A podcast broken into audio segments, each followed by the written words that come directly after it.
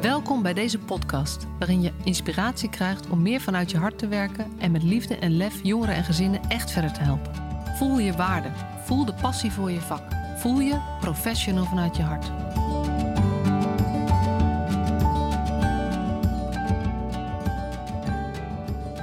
Superleuk dat je weer luistert. Een nieuwe aflevering van de Professional vanuit je hart podcast. En ehm, ehm, er zit niemand aan mijn keukentafel, maar ik eh, zit op de zolderkamer eh, van Moraya. Moraya Lopez. Yes. Eh, zij is eerder te gast geweest, aflevering 64. Ehm, eh, inmiddels ruim twee jaar geleden, want het was in juni 21. En Moraya is als kind opgegroeid in de jeugdzorg. En zij had, ik had haar toen uitgenodigd, want zij had een liedje gemaakt wat mij heel erg geraakt heeft. Dat is Dossier 107. En ehm, in die aflevering van toen, was de eerste keer dat we elkaar ontmoetten, ehm, hebben, nou ja, vertelde Moraya dat ze nog veel meer liedjes eh, had gemaakt. Maar ja, dat album uitbrengen.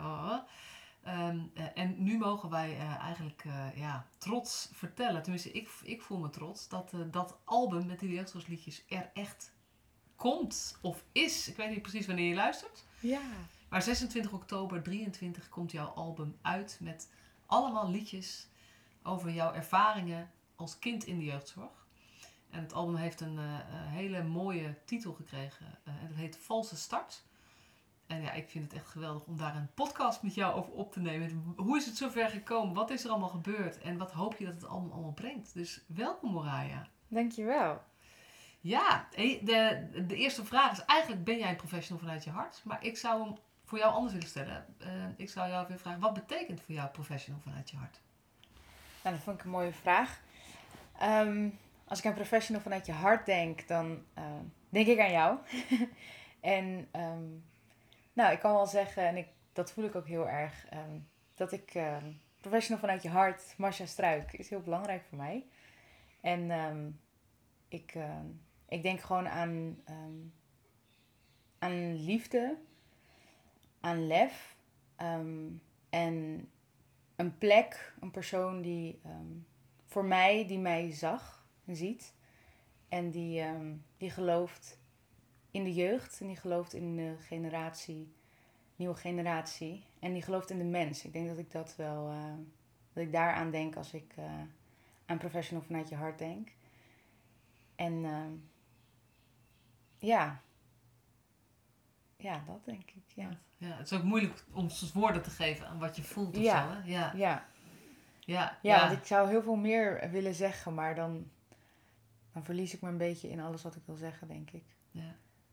Want ja, ik probeer ook voor de luisteraar een soort van ehm, na te denken van... Ik, ik heb nog niet natuurlijk alles verteld, jouw betrokkenheid met het Vertel album. maar gewoon, weet je, Ja. misschien, want dat is eigenlijk het hele verhaal. En het, het is ook echt bijzonder dat we hier zo samen zitten en kunnen Ja. zeggen, dit album is Ja. er. Ja, want nee, nu, haal je natuurlijk ook het gesprek van eh, twee jaar geleden aan. En ik weet nog dat je toen eh, ook had verteld dat je het nummer Het Verschil heel mooi vond. Omdat dat, het is een nummer wat ik heb geschreven wat gaat over dankbaarheid. En wat ook wel ehm, nou ja, aansluit bij, ehm, nou ja, bij Professional vanuit je hart. Het gedachtegoed ook van eh, wie kan je zijn. En dat nummer schreef ik voor een professional die vanuit zijn hart heeft gewerkt. Ehm, en mensen die vanuit, vanuit hun hart betrokken zijn geweest in mijn leven. En toen vertelde je dat en toen zei je van, eh, nou wat heb je dan nodig om zo'n nummer uit te brengen? Want ik zat daar een beetje mee en toen weet ik nog dat je had aangeboden om daarover mee te denken en dat je nou, me daarin wilde helpen. En toen, eh, dat wist ik en dat was zo fijn en, en ik durfde daar niet op in te gaan. En eh, dat, ja, je bent altijd heel liefdevol in en je geeft heel, me heel veel ruimte. Dat gevoel ervaar ik heel erg in het contact. En toen ben ik daar niet op ingegaan. En nou, ik denk dat het nu, nu is denk ik wel een jaar geleden ongeveer. Dat denk ik, ja. Ja, toen voelde ik ook echt voor mezelf van, ik heb al die nummers liggen, die zitten echt stof te vangen. En ik wil ze heel graag teruggeven aan de jeugdzorg. En, en aan jongeren en aan professionals, aan ouders. Ehm, maar, maar het lukt me nog niet. En dat de eerste blokkade was dat ik niet de juiste eh, professionele mensen had gevonden om mee te werken. Die niet mijn muzikale visie konden ehm, uitwerken zoals ik het voor me zag. En toen ik die had gevonden, toen was het van oké, dit is het. Dus op deze manier wil ik heel graag mijn nummers uitbrengen. Eh, maar daar zit ook een financieel prijskaartje aan. En toen heb ik eh, eigenlijk mijn stoute schoenen aangedaan en heb ik een mailtje opgesteld en naar verschillende mensen gestuurd van dit is wat ik heel graag wil doen. Dit zijn de kosten die daarbij komen kijken. Is er iemand die mij daarbij wil helpen of manieren weet eh, hoe ik aan het geld kan komen? En toen, toen reageerde jij. Ja. Ja. Ja, ja, ik weet nog dat ik echt, uh, ik weet niet, als ik een beetje zenuwachtig en, en ongemakkelijk word of zo, dan ga ik ook en heel erg hard lachen. Ik lach altijd echt mijn kaken tot pijn doen. En ik kon niet stilzitten en ik zat helemaal zo om mijn wild te bewegen. En toen uh, kwamen we er eigenlijk, uh, ja, toen vertelde je gewoon dat je daar heel, dat jij ook heel graag iets terug wilde doen. En dat, dat, ehm, dat je het een mooie manier vond om dat ook op deze manier te doen. Stukje voor mij persoonlijk, zodat ik er een punt achter kan zetten achter mijn jeugdervaringen. En ehm, omdat het ook een blijvend product is wat de jeugdzorg in kan, wat jouw gedachtegoed kan helpen ondersteunen, maar ook de beleving van het kind uh, een plek kan geven. Als ik het goed heb onthouden wat jouw uh, beweegredenen waren om, uh, om hierbij te helpen. En dat, nou, dat, dat, dat vond ik zo fijn. En dat is zo, zeg maar, dat creatieve wat je als, als ik dan in ieder geval als zangeres dan heb, dat creatieve gedeelte waarin je opneemt in de studio, dat is één gedeelte en daarna heb je het organisatorische. Maar als je dat tegelijkertijd moet doen, dat heeft toch wel echt invloed op de, op de kwaliteit uiteindelijk. En dat, dat zag jij en daar wilde je me ook bij helpen om te zorgen dat ik gewoon in alle rust dat creatieve proces in kon. En dat is wel echt iets dat ik, daar ben ik zo dankbaar voor, want daarom ben ik nu ook zo blij zelf met het eindresultaat. Dat ik denk, ja, beter dan dit kon ik het gewoon op dit moment niet doen. Dus dit is het gewoon. En nu gaan we het uitbrengen. Ja, ja ik, vind het ook, ik vind het ook mooi om naar je te kijken. En ook de sprankeling in je ogen weer te zien. En inderdaad, die lach, die ken ik ook. Als het ongemakkelijk is ook, zeg maar. Maar het is ook... Uh, ik, ben ik werk als ondernemer, dus ik verdien mijn geld ook door trainingen te geven. En ik heb toen tegen jou ook... Want ik dacht, ja, het is heel gek als ik jou als Masha gewoon geld geef aan Moraya. Dat, dat klopt dan ergens niet of zo. Tenminste, dan, dan krijg je, vind ik, heel erg ingewikkeld gedoe. Dus ik zie het heel anders. Ik zie echt van, ja, weet je, ehm, ik verdien mijn geld met geld wat ik onder andere binnen de jeugdzorg heb verdiend. En um, dat is niet, weet je, natuurlijk heb ik salaris, maar ik doe dit niet om dan vervolgens ook nog heel veel winst te maken of zo. Dus ik wil heel graag op zoek altijd naar manieren om dan dat geld dat ik toch bijvoorbeeld door met de jeugdzorg uh, verdiend hebt, om daar dan goede dingen mee te doen. En ik denk wat jij, wat jij maakt, uh, het verschil, ik was vergeten. Maar ook dossier 107, weet je ook, dat, dat, dat nummer draai ik ook nog heel vaak tijdens uh, trainingen. Ik denk dit is een manier um, voor mij om professionals te laten voelen wat het betekent hoe zij hun werk doen.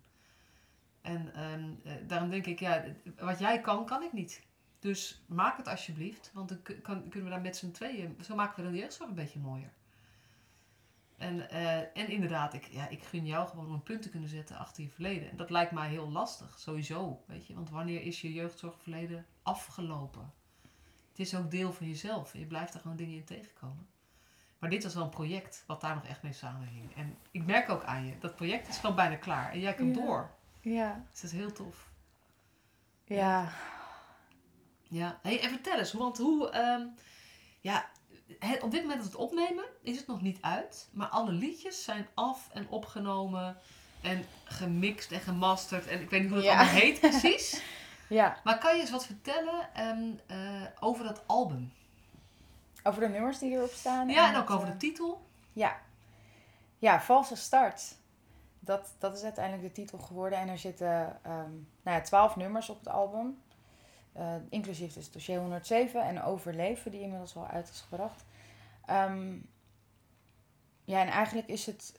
Het album symboliseert de valse start die ik en velen met mij maken als je jong bent en je belandt in een toch wel kwetsbare situatie waarin je emoties uh, of ervaringen doorgaat die je eigenlijk op een te vroege leeftijd door, doorstaat. En daarin um, ja, ik weet niet, iedereen heeft natuurlijk een eigen beeld bij valse start. Maar het is wel vaak dat je al vooruit bent, terwijl de rest nog eh, pas later begint. En dat is denk ik ehm, wat het voor mij ook omschrijft. En ja, ik heb in dit album gewoon mijn valse start en de emoties en gevoelens die ik in die periode heb ervaren, vormgegeven in verschillende nummers met verschillende thema's.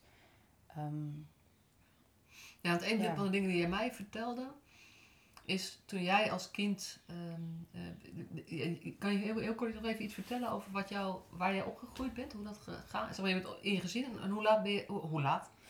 Om drie uur 's middags. Nee, hoe oud was je toen, je toen de jeugdzorg zeg maar, jullie ging helpen en hoe ging dat vervolgens voor jou?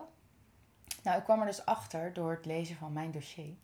Dat ik negen maanden was toen ik voor het eerst uit huis was geplaatst. Maar er was toen ook al hulpverlening bij ons gezin betrokken. Dus eigenlijk ben ik echt mijn hele leven al ehm, nou ja, op de radar. Maar eh, ik was negen maanden toen ik voor het eerst uit huis was geplaatst. En tot mijn elfde ongeveer was het ja, OTS, eh, wel uit huis, een een paar weken of een periode, dan weer terug naar huis. In het netwerk plaatsen, terug naar huis. Dus dat was vrij turbulent al. Maar vanaf mijn elfde ben ik toen eh, ja, eigenlijk echt uit huis gegaan. En ja, toen had ik altijd de illusie dat ik weer thuis zou wonen. Maar toen ik eh 15 was en toen woonde ik op de Hoenderloo-groep, was wel duidelijk dat ik ehm, dat dat een droom was die ik niet meer zou meemaken. Dus toen gingen we toch richten op zelfstandigheid. En in totaal ja, ben ik 15 keer verhuisd. Maar we zitten nu inderdaad op mijn eh, zolderkamertje op de plek waar ik mag blijven. Dus, ja, eh, in Amsterdam, hè? in Heel Amsterdam. leuk plekje, wat je graag wilde, Amsterdam. Ja. Ja. Ja. Ja. Ja, en wat, wat mij ook vorige keer raakte, ehm, en waarom ik ook dacht, dit album is, ehm, het is ook zo goed dat het er komt. En, ehm, want als je zelf in zo'n situatie zit, dan voel je alsof je de enige bent. Ja. Want dat is, weet je, ik denk, goh, heel mooi deze nummers, want die kunnen professionals aan denken zetten. Maar dat is niet waarom jij het hebt gemaakt. Dat is mooi de bijvangst, zeg maar. ja. En waarom, heb je deze, waarom vind jij het belangrijk dat het album er is? Nou, wat, ik, wat mijn, mijn diepe wens hiermee is, is dat, dat jongeren dit ook horen. En ik kan me namelijk zo verplaatsen in als ik toen ik jong was, hoe muziek mij toen heeft geholpen.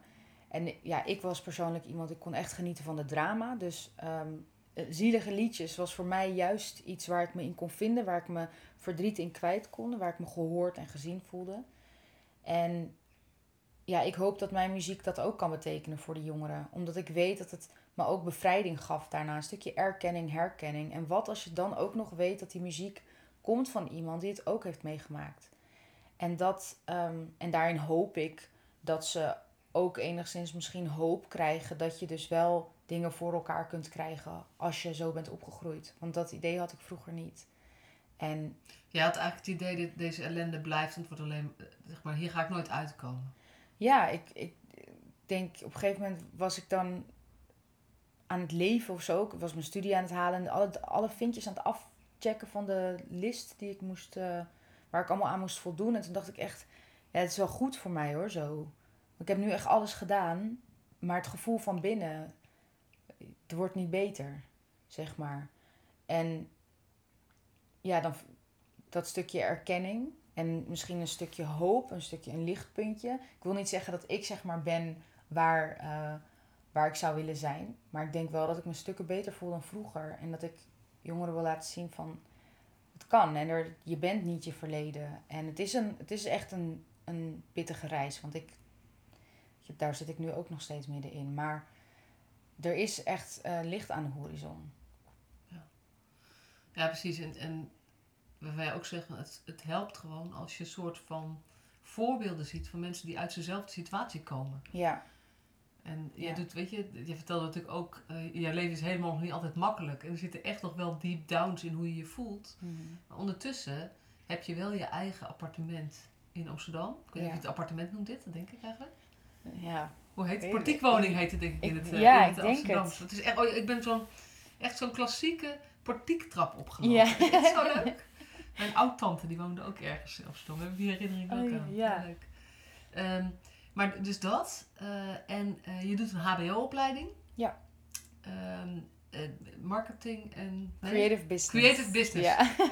Ja, Ja. Marij probeert me altijd uit te leggen wat het verschil is. Ik onthoud het de hele tijd niet. Maar het gaat over, over, over social media onder andere, branding, en daar dan je creati- creativiteit voor gebruiken. Maar je doet gewoon HBO-opleiding. En dat is Ja. niet makkelijk. Maar ook dat krijg je gewoon voor elkaar. En intussen heb je even al die nummers opgenomen. Ga je even een album releasen. En heb je ook nog, mag ik dat verklappen? Ja. Een theatershow op de planning staan. Ja. Op de meest bizarre locatie Ja. die je kunt bedenken, lieve mensen. Want deze Moraya, die heeft gewoon een show gepland staan in Carré. De kleine komedie. Oh, de kleine eruit. Dit doen we opnieuw. Want deze, deze eh, lieve Moraya heeft gewoon een show gepland staan in de kleine komedie. Yes. Een van de bekendste theaters van het land. Dus ehm, ja, dat komt in februari volgens mij. Ja, 25 februari 2024. Dus wees erbij, wees erbij. Ja, ja, ja. ja. Maar Ja. goed, misschien zometeen daarover nog wat meer. Ehm, het, even terug naar het album. Eh, Ja. 26 oktober komt het uit. Eh, en betekent het dat al jouw liedjes dan in één keer te vinden zijn op Spotify? Of, of hoe gaat... Weet je, vroeger als een album uitkwam... Vroeger, toen ik nog jong was... toen werd, dan werd er een cd uitgebracht en ging je een Ja. cd kopen. Nou, nu, nu Ja. is dat natuurlijk niet meer de manier waarop een album uitkomt. Hoe, hoe, hoe ga jij dat doen? Ja, nou ik heb eigenlijk, het is inderdaad één album. Ehm, 26 oktober heb ik een evenement waarbij ik eh, nou ja, alle liedjes laat horen aan iedereen die aanwezig zijn. En daarna ga ik wel één voor één het nummer uitbrengen, maar wel in een stroomversnelling. Ehm, en de reden dat ik daarvoor heb gekozen is omdat ik al zes jaar bezig ben met deze nummers. En in één keer, eh, bam, tien nummers, ehm, vond ik best wel een overload. En ook omdat elk nummer zijn eigen verhaal heeft, ehm, wilde ik toch graag elk nummer op zijn eigen tijd uitbrengen. Zodat ik daar nog heel eventjes op kon inzoomen. Op wat, waar dit nummer over gaat. En dan op 25 februari ehm, 2024 tijdens de theatervoorstelling komt het laatste nummer uit. En dan is het hele album ook... ehm, nou ja, staat het, eh, nummer, staat het hele album op Spotify en alle streamingsdiensten. Ja, want iedere, iedere keer als er een nummer uitkomt, eh, als je een nummer uitbrengt, dan komt dat nummer, eh, kan je vinden. Dus Ja. wij gaan, ja, ik heb, ik heb de mazzel dat ik als Ja. een van de weinigen alle nummers al heb mogen horen. Ja, Eh, maar verder, degene die er 26 oktober bij zijn, die, eh, die horen ze dan ook. En voor de rest gaat het gewoon, gewoon iedere paar weken komt er een nieuw nummer uit. Met Ja. een, sommige met een mini-campagne eromheen, sommige met echt wat meer aandacht eh, eromheen. En, Ja. en dan 24 eh, februari. 25. 25 februari Yes. Komen ze allemaal uit. Dan, Ja. dan is het er helemaal en dan kan Dan je het het album helemaal. gewoon op eh, Spotify en andere streamingdiensten. Welke andere nog meer? Ja, je hebt, eh, wat heb je allemaal? Deezer, Apple Music, ehm, Soundcloud. Eigenlijk kan je het overal vinden. Instagram, Ja. Snapchat. Nou, Ja, ja mooi hoor. ja.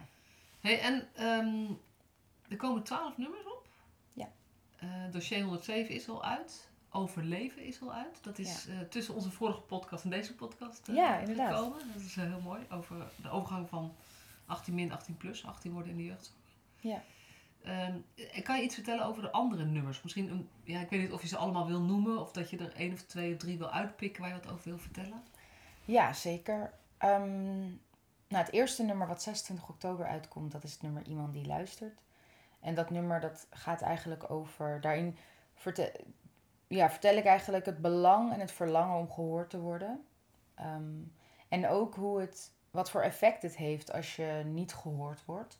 Ook het, ehm, het stukje van, ja, ik zing namelijk op een gegeven moment, ik wil niet dat je weggaat. Ik wil niet dat je blijft. Want ook als jij er bent. Oh, dan moet ik even mijn lyrics. Ik wil niet dat je weggaat, wil niet dat je blijft. Want ook als jij er bent, schreeuwt de leegte in mij. Toch merk ik dat mijn stem in de ruimte verdwijnt. Ik vraag mezelf af, is er ergens iemand die... Ja, sorry, ik moest even... Ehm, Dit is als preview, mensen. ja, echt.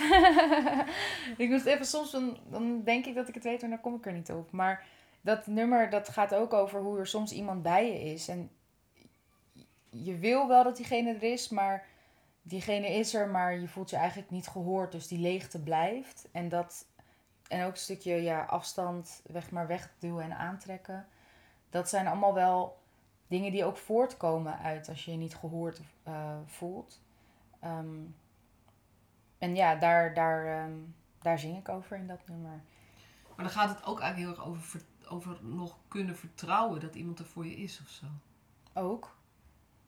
Ja. En iemand echt toelaten, zeg maar. Maar daarvoor heb je dus ook weer nodig dat je je gehoord voelt. En natuurlijk is communicatie daarin ook heel belangrijk. Maar ehm, dat gaat gewoon bij, bij mensen die, ehm, die dat niet, hebben, niet vaak genoeg hebben gehad. Dat, het stabiel, zeg maar, dat ze in vertrouwen kunnen leven.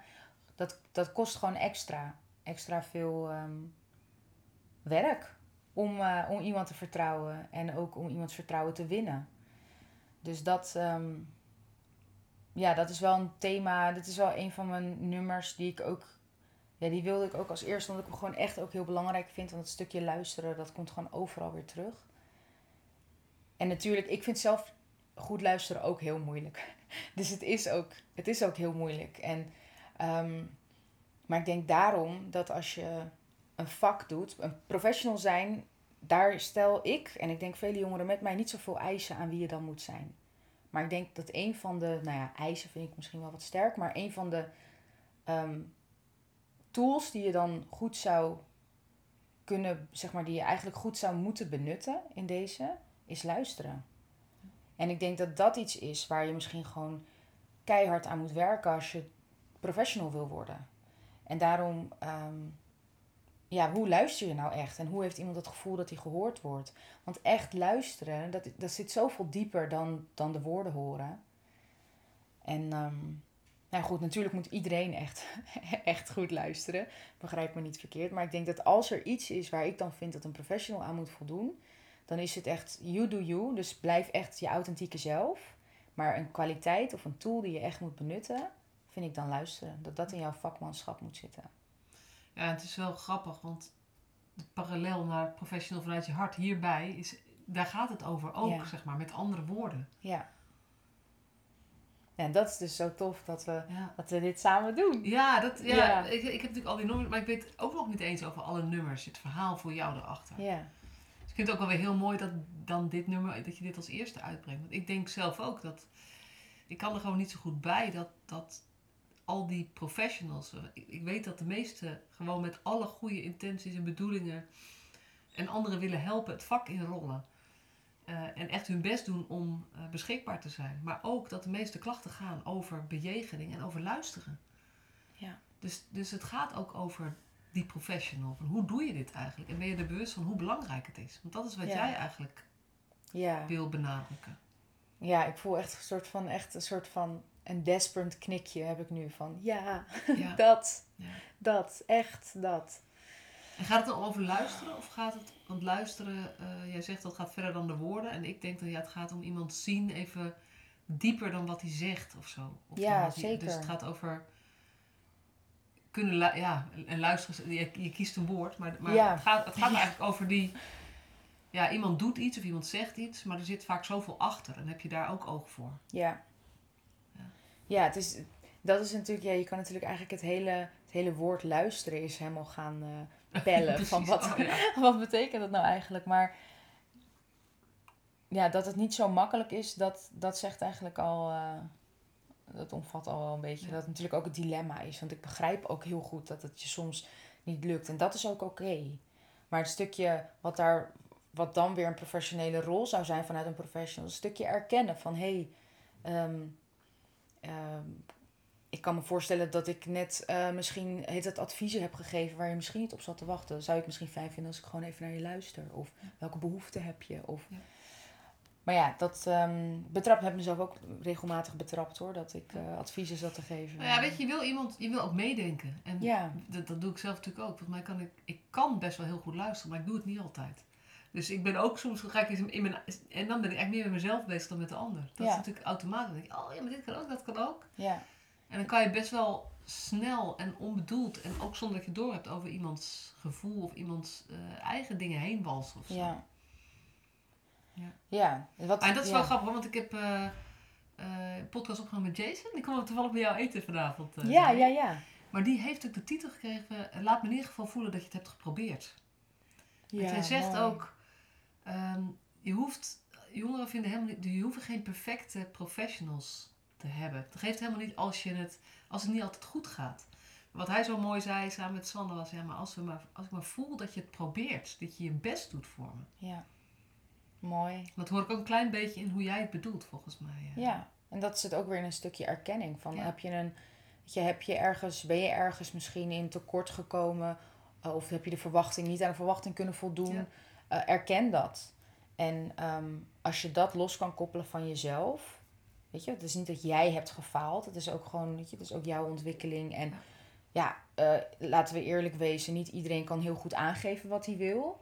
Dus dat is natuurlijk ook lastig. Uh, maar daarover hebben en daarin Ja. kwetsbaar durven zijn, dat, ik denk dat dat wel. eh, ja, en daarom lijkt het me ook een hele pittige job natuurlijk. Want ja, dat, dat vraagt ook behoorlijk wat van je.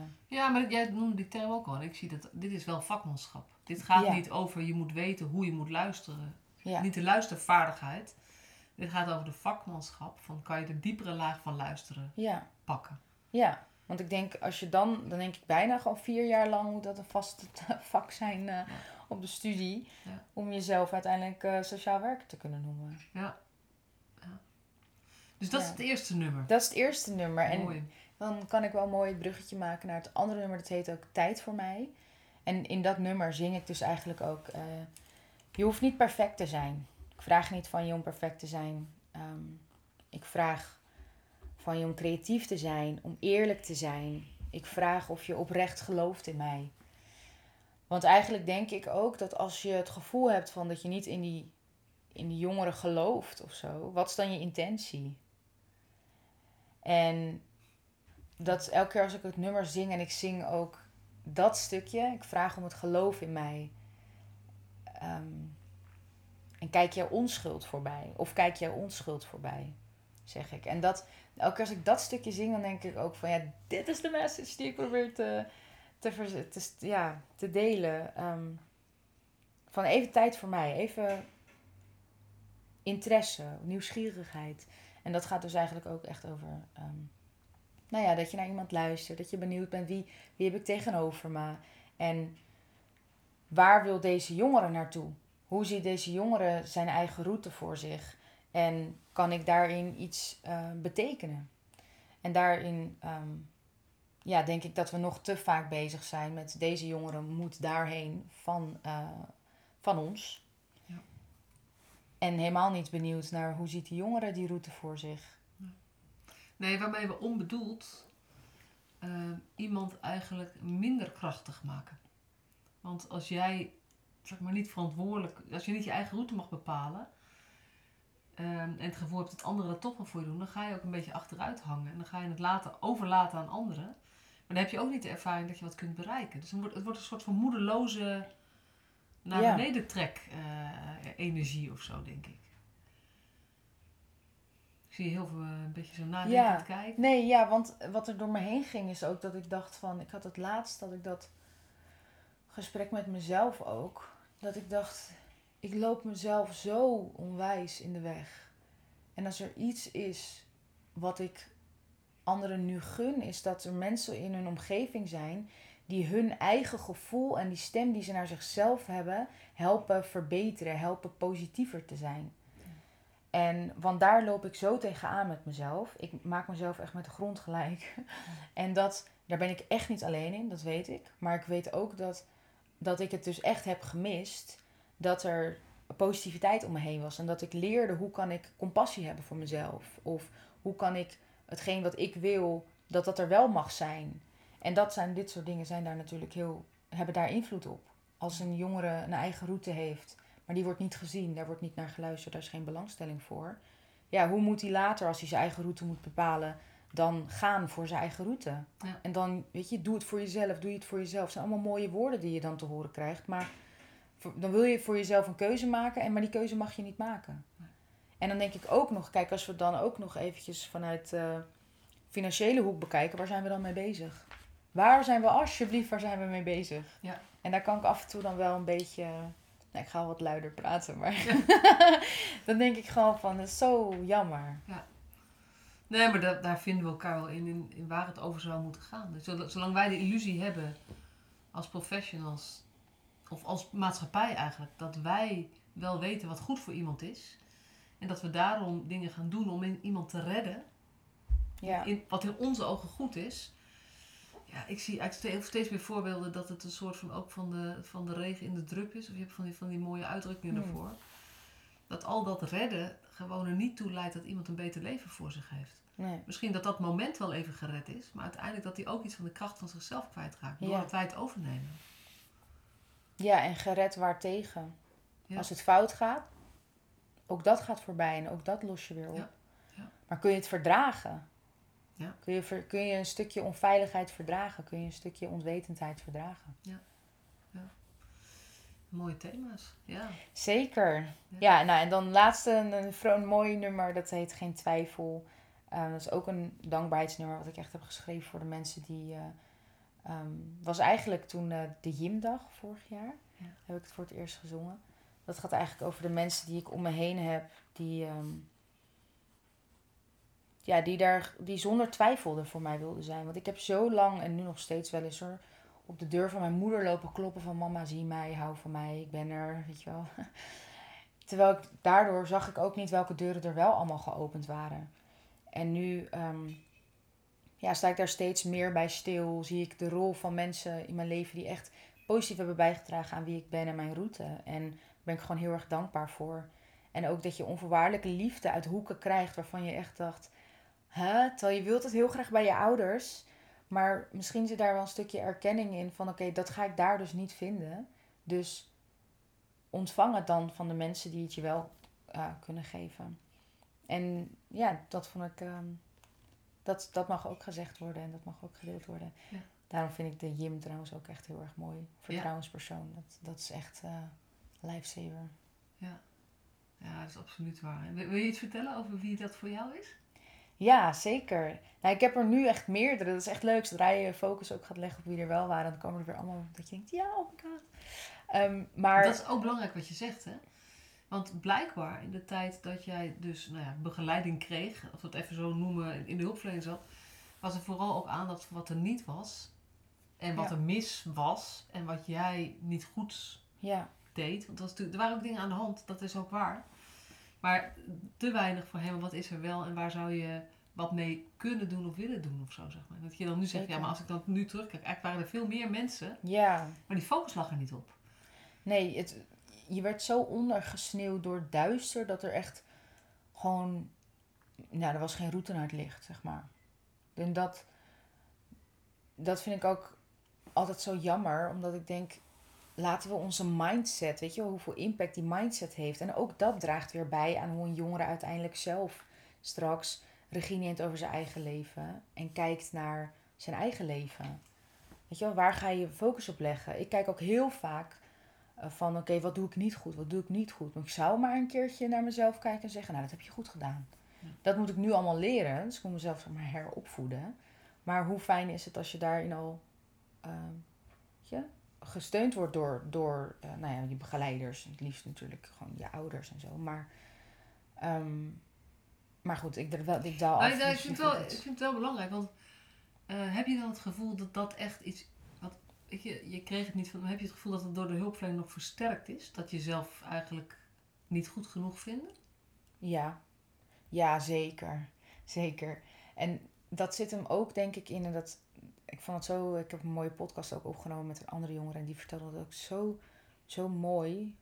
Ehm, je werkt ergens naartoe en dan heb je een keuze gemaakt. Ehm, je bent weggelopen of je hebt een keuze gemaakt. Je hebt je ergens niet aan de regels gehouden. En je zakt dan in één keer terug naar, naar nul. Terwijl je, je was op 56. Uh, Maar je zakt in één keer terug naar nul. Omdat je één keuze hebt gemaakt in een hele Voor je eigen gevoel of hoe er naar je gekeken wordt en met je omgegaan wordt? Hoe er naar, naar je gekeken wordt en met je omgegaan wordt. En ik, eh, ik voelde mezelf dat ik dan dacht van oké, weet je, ik kan goed reflecteren. Eh, ik snap dat ik die keuze niet had moeten maken. eh bla bla bla bla bla. Maar dat was dus niet genoeg. Het, leer, het leren van de situatie was niet genoeg. Je moest, je, wordt, je werd gestraft en je moest weer omhoog, trappetje omhoog lopen. Je wordt bij wijze van spreken teruggezet in een fasering, Ja, teruggezet in Ja. vrijheden. ja zeker. En eh, weet je, dan, dan Dus moest eigenlijk je... was het niet, als je, als je het zo beschrijft, zeg je ja, eigenlijk kon ik niet leren, maar eigenlijk moest ik het perfect doen om omhoog te blijven gaan. Ik mocht geen fouten maken. Precies. Je mocht geen fouten maken, eh, want dan werd je, de consequenties waren zo zwaar. En op een gegeven moment zak je weer naar nul. En dan denk je, ja, krijg de rikketik. Uh, ik blijf hier wel chillen, want ik, weet je, het maakt niet uit hoe hoog ik kom. Ik, als ik één ding verkeerd doe. Terwijl dat is toch juist het leerproces. Dat is toch uiteindelijk wat je wil stimuleren. Ik zou zeggen, hey, wat goed dat je dat inzicht hebt. Weet je, wat zou je volgende keer doen als je in zo'n situatie komt? Ja. hoe, hoe ga je er dan mee om? Kan ik iets voor je betekenen op zulke momenten? Kunnen we er iets over afspreken? Dan leer je, dan groei je. En dan kan je ook, weet je, dan kan zo'n begeleider ook zeggen van wat knap hè, dat je dit inzicht hebt. En dan denk je, oh ja, ik heb dit inzicht, ik heb er gegroeid. Ik hoef niet meer deze keuze te maken. Krijg je inzicht in jezelf? Nou, noem maar op. Ik, ik voel alleen maar positiviteit bij die benadering. Maar bij de benadering waarin je in één klap weer al je vrijheden afpakt, waarin je weer bij nul moet beginnen, ja, denk je dat dat mij motiveert om weer naar 56 te gaan? Nee, je kan mij vergelijken. Als je, dus zeg maar, het leven is voor iedereen volgens mij, zeker als je tiener bent, sowieso is dat een berg oplopen. Uh, en dat is altijd, het is best wel ingewikkeld. En, ja. En, en wat je vertelt is, ja, en soms maak je een misstap. Maar bij die misstap werd je eigenlijk weer onderaan de berg gezet om het opnieuw. Ja. Moest je maar weer laten zien dat je bereid was om die berg op te gaan lopen of zo. Ja. Ja, dat is wel heftig. Ja. ja, en dan gaat het niet over uh, of je dat speelgoedje mag kopen, weet je wel. Het gaat niet over of je je zakgeld krijgt die week. Nee, het gaat gewoon echt over je vrijheid. Het gaat over of je op verlof mag of niet. Het gaat over of je je moeder mag bellen of niet. Het gaat over of je je eigen sleutel hebt van je kamer of niet. Het gaat erover of je uh, je privileges uh, nog kan krijgen die je hebt opgespaard of niet.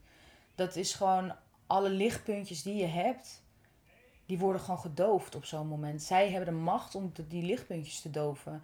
En dat zet je in zo'n machteloze positie. Ja, op een gegeven moment, uh, ja, dan hoop ik dat we ook begrijpen wat de consequentie daarvan is. Dat een jongere helemaal niet meer gemotiveerd is om zijn best ergens voor te doen. Want het maakt uiteindelijk helemaal niet uit. En uh, nu ben jij 25? Ja. ja. ik heb al zoveel vergist in data en dingen. 25? Ja. Uh, dus jij, jij bent een aantal jaar geleden de jeugd natuurlijk al uitgegaan. Zou dat iets zijn wat nu al anders is? Want jij spreekt nog steeds jongeren. Is het beter geworden?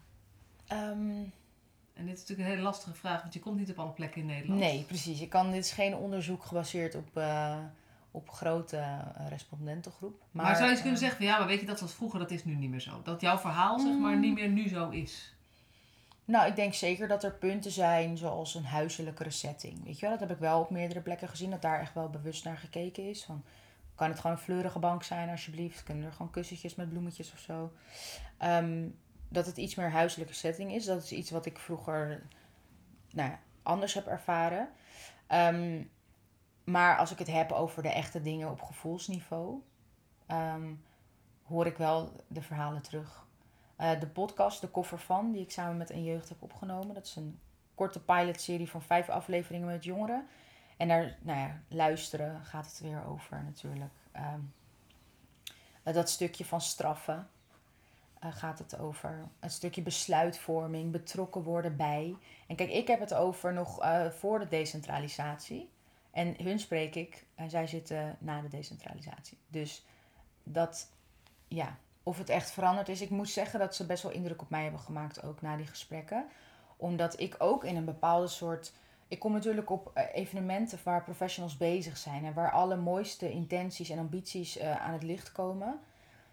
En tegelijkertijd spreek ik dan de praktijk. En die werelden dus zijn nog steeds erg ver bij elkaar vandaan, kan ik wel vertellen. Vanuit wat ik heb teruggehoord van de jongeren die ik nu spreek. Um, dus daarin heb ik voor mezelf ook wel dat ik heel, heel, heel graag meer in contact wil komen met jongeren.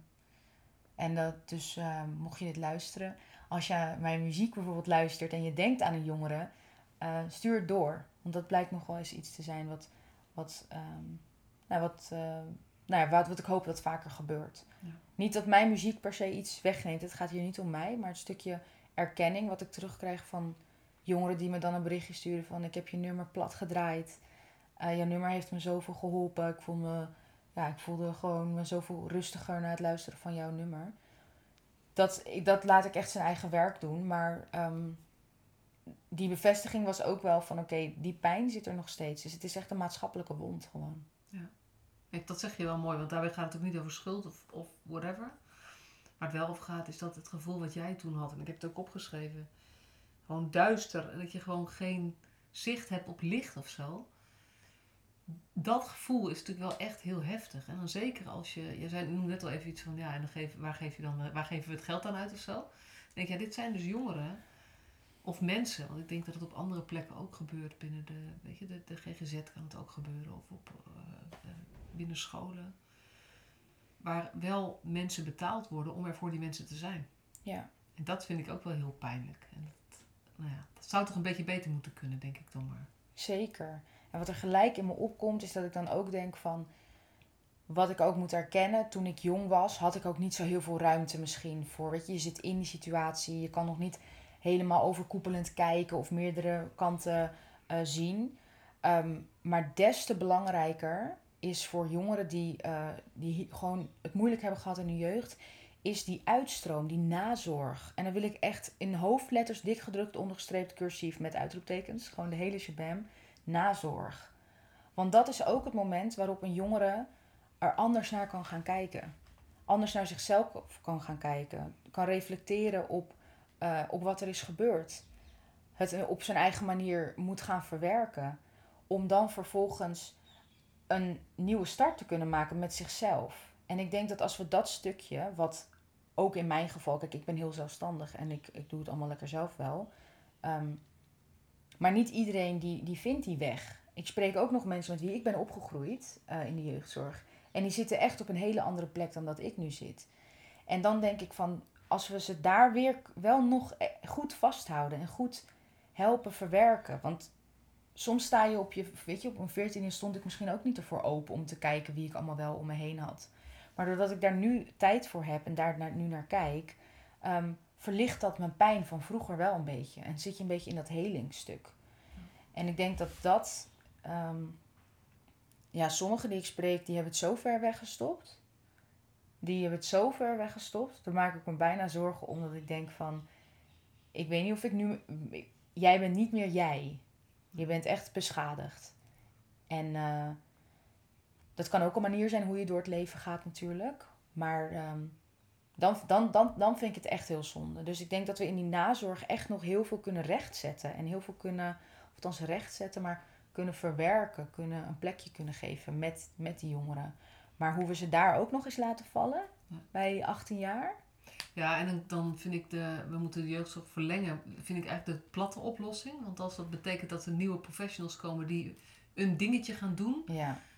dan helpt het niet. Nee. Dus het gaat dan veel meer over langer in verbinding kunnen blijven met de mensen die je ook al langer kennen. Want dat natuurlijk, ja, dat, dat, ja. dat blijft mij raken. Dat, ja, dat ook, zeker. Dat zal jij waarschijnlijk ook hebben. Dat gewoon stukjes van je jeugd zijn een soort van weg. Hé, hey, wie was ik toen? En wat, wat deed ik toen? Of wat vond ik toen leuk? Of, ja. Er zijn zoveel grote thema's. Waar, nou ja, dan zetten we weer de Jim. Waarom dat zo mooi is als er mensen zijn die jou langer kennen. En langer met je meegaan. Ja. Dus Ja. ik, ik ben niet zo'n groot voorstander van nieuwe interventies voor 18-plus begeleiding, zeg maar. Want dan ga je, krijg je een nieuwe begeleider. Dus, ehm, nou goed, dat is... Nee, klopt. Als je preventief wil werken, dan is het echt gewoon die, die, die steunfiguren gewoon actief Ja. neerzetten, betrekken en zorgen dat het kind toegang heeft tot die steunfiguren. En hoe zie jij je route voor je? Weet je, dat Ja. langere termijn, toekomst. Ja, een van de vragen die ik, die ik, waar ik professionals mee help is... Ga eens afvragen, wie, wie komt er straks op zijn 30ste verjaardag? Ja. En laat ze ervoor zorgen dat die mensen nu ook het belangrijkste zijn. Ja, En dat betekent opeens dat er iets heel erg gaat schuiven in wie welke rol neemt of zo. maar zo'n vraag, dat is toch een moeilijkheidsgraad van, van zet dat op elk aanmeldformulier. Ja.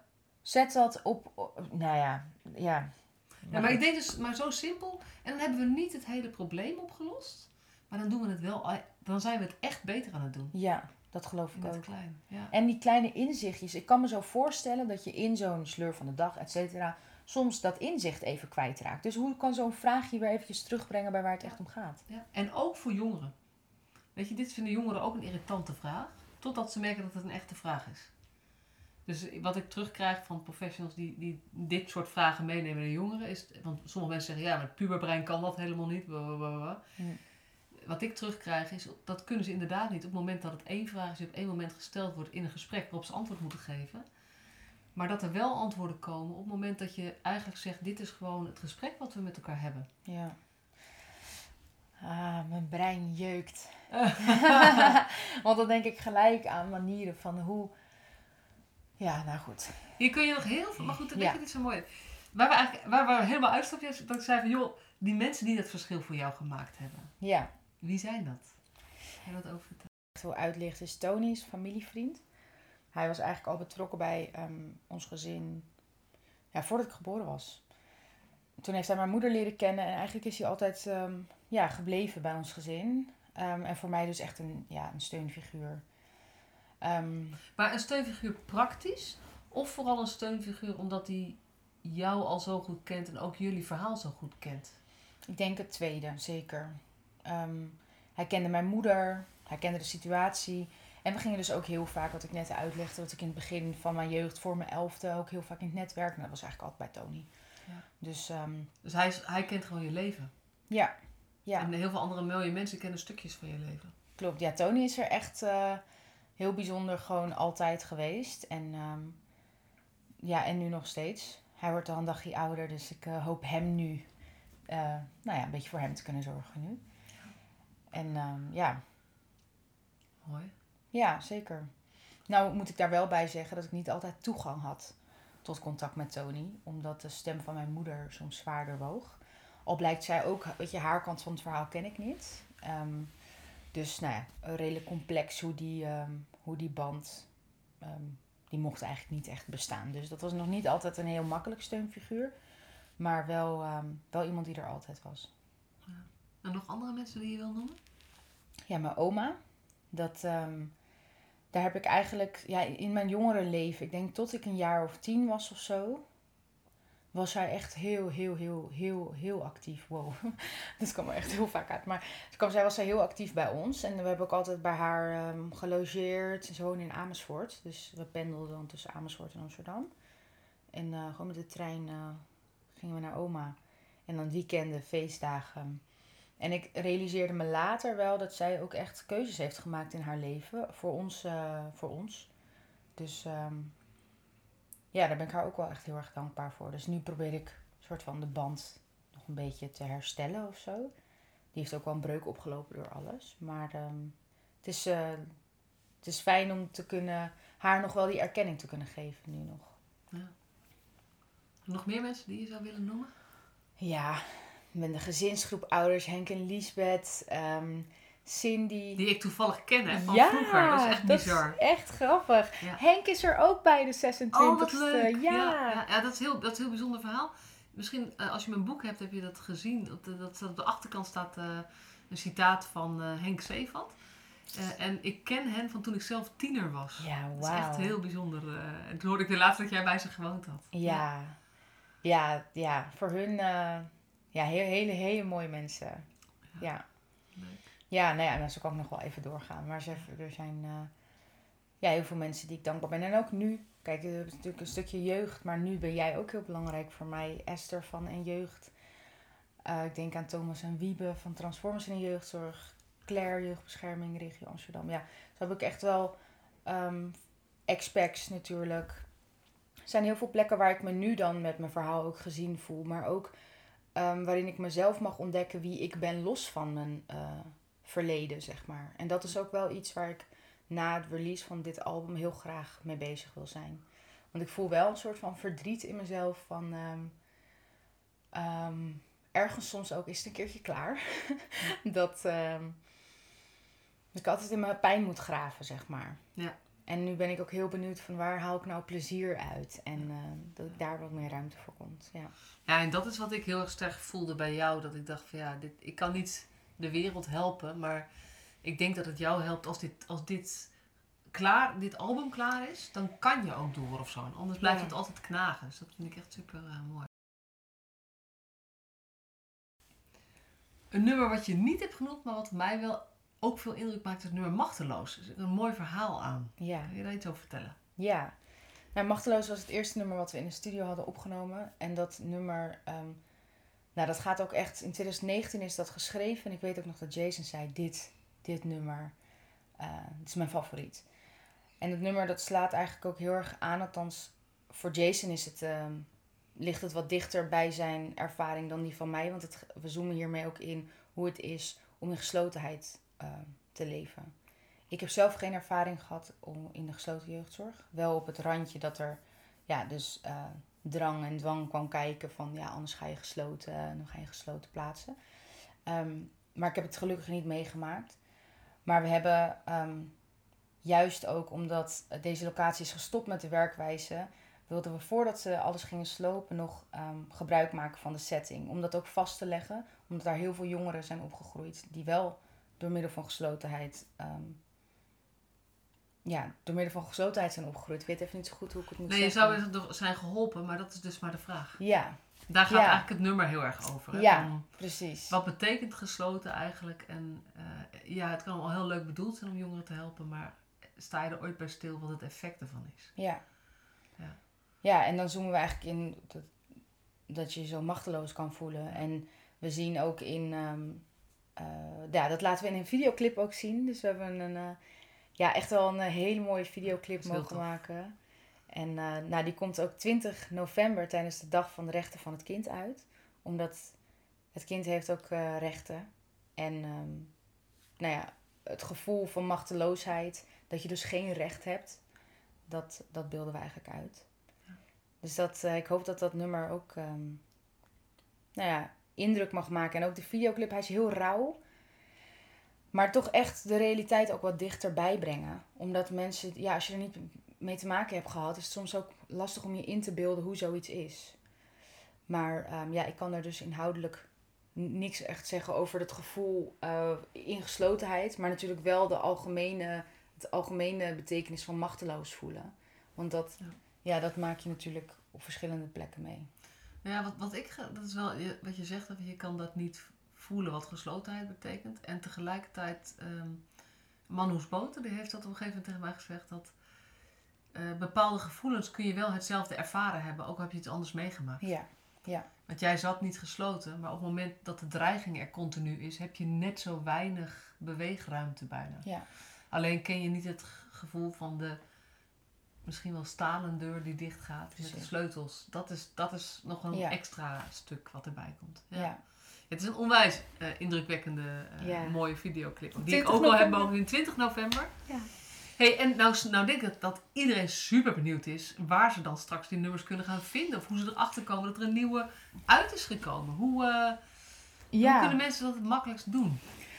Um, nou ja, sowieso op social media. Op mijn website www.moraya.nl kan je ook inschrijven voor de nieuwsbrief. Dat is denk ik de meest directe manier. Dan weet je zeker dat je niks mist.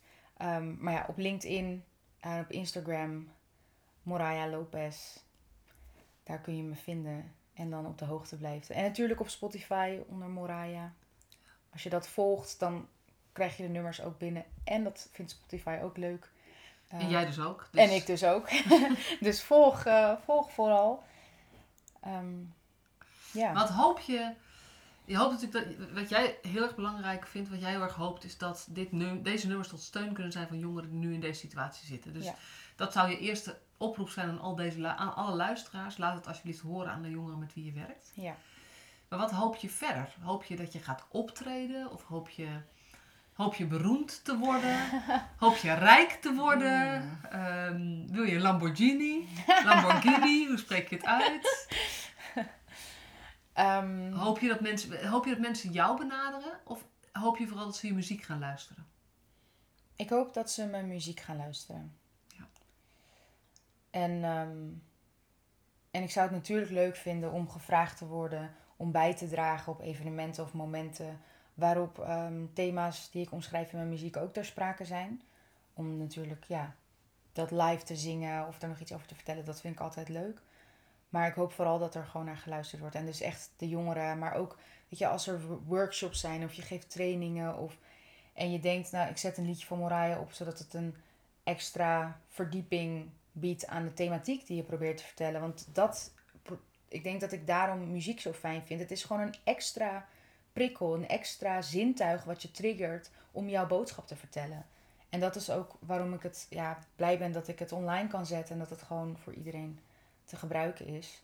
Ehm, met naamsvermelding uiteraard. Ja, ja, ja, heel goed, heel goed. Branding, hè? Ja, ja, ja. Hey, en uh, sowieso, hè, want we hebben het heel even aangetipt dat er een theatershow ook komt. Dat, dit gaat voor jou echt een half jaar worden waarin eigenlijk alles. Waar je dit, deze periode ook wil afsluiten. En de echt Ja. afsluiten is ook met die theatershow voor jou, waarin eh, je eh, nummers en stukken uit je leven integreert. Ik ben super benieuwd. Ja. In de kleine komedie. Dus. Yes! En als je daar meer van wil weten, moet je gewoon op die nieuwsbrief abonneren. Dat is het makkelijkste, is het meest zeker. Dan krijg je het gewoon automatisch in je nieuwsbrief. Ja. Ik wil jou onwijs danken. Je weet al dat ik heel trots op je ben dat je dit doet. Ik eh, eh, voel me ook heel, heel, heel ja, trots, dankbaar dat je eh, mij het vertrouwen hebt gegeven om dit, dit project samen aan te gaan. En ik wens gewoon, ja, ik, ik hoop gewoon dat dit ontzettend gaat bijdragen om, eh, om het voor jongeren beter te maken in de jeugdzorg. Om het professionals te helpen om nog beter te snappen hoe het is als je het meemaakt. Want ik denk dat, weet je, professionals willen het ook graag goed doen voor jongeren. Maar dan moet je wel weten wat het betekent. En jongeren die nu in zo'n situatie zitten, kunnen dat moeilijker vertellen.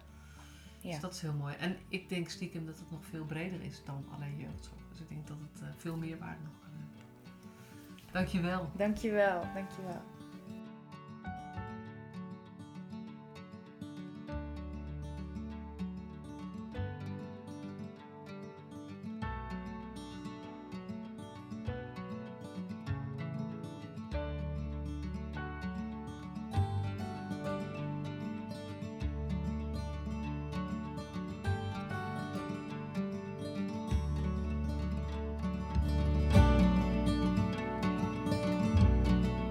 Superleuk dat je weer luisterde naar deze podcast. Dankjewel. Nog even kort een paar belangrijke dingen. Ten eerste, het is mijn missie dat de jeugdhulp weer een sector wordt waarin bevlogen, liefdevolle professionals jongeren en gezinnen echt verder helpen. Daarom maak ik deze podcast voor jou. Wil jij deel uitmaken van deze beweging van Professional vanuit je hart, waarin professionals elkaar steeds opnieuw inspireren? Begin dan met het lezen van mijn boek. Je kunt de eerste hoofdstukken helemaal gratis lezen. Ga naar professionalvanuitjehart.nl slash boek. Ten tweede, wil je alle podcastafleveringen overzichtelijk onder elkaar? Abonneer je dan op deze podcast. Klik in je podcast-app op de button subscribe of abonneren. En elke keer als er een nieuwe podcastaflevering gepubliceerd wordt, ontvang je automatisch een berichtje. Ten derde, ondersteun je mijn missie? Geef me dan een review via je podcast-app, bijvoorbeeld iTunes of Spotify. Op die manier kan ik nog meer professionals bereiken. En ken je een collega voor wie deze podcast ook interessant is? Dan zou het super zijn als je hem of haar de podcastaflevering doorstuurt. Bijvoorbeeld door de link te kopiëren via Spotify. Ik vind het altijd heel leuk om berichtjes te ontvangen van luisteraars om te horen wat je van een podcast vindt, of als je misschien vragen of suggesties hebt. Of als een aflevering je een bepaald inzicht heeft gegeven of er iets in beweging is gekomen. Stuur me dan even een berichtje op masha.professionalvanuitjehart.nl via de website of stuur me een connectieverzoek op LinkedIn.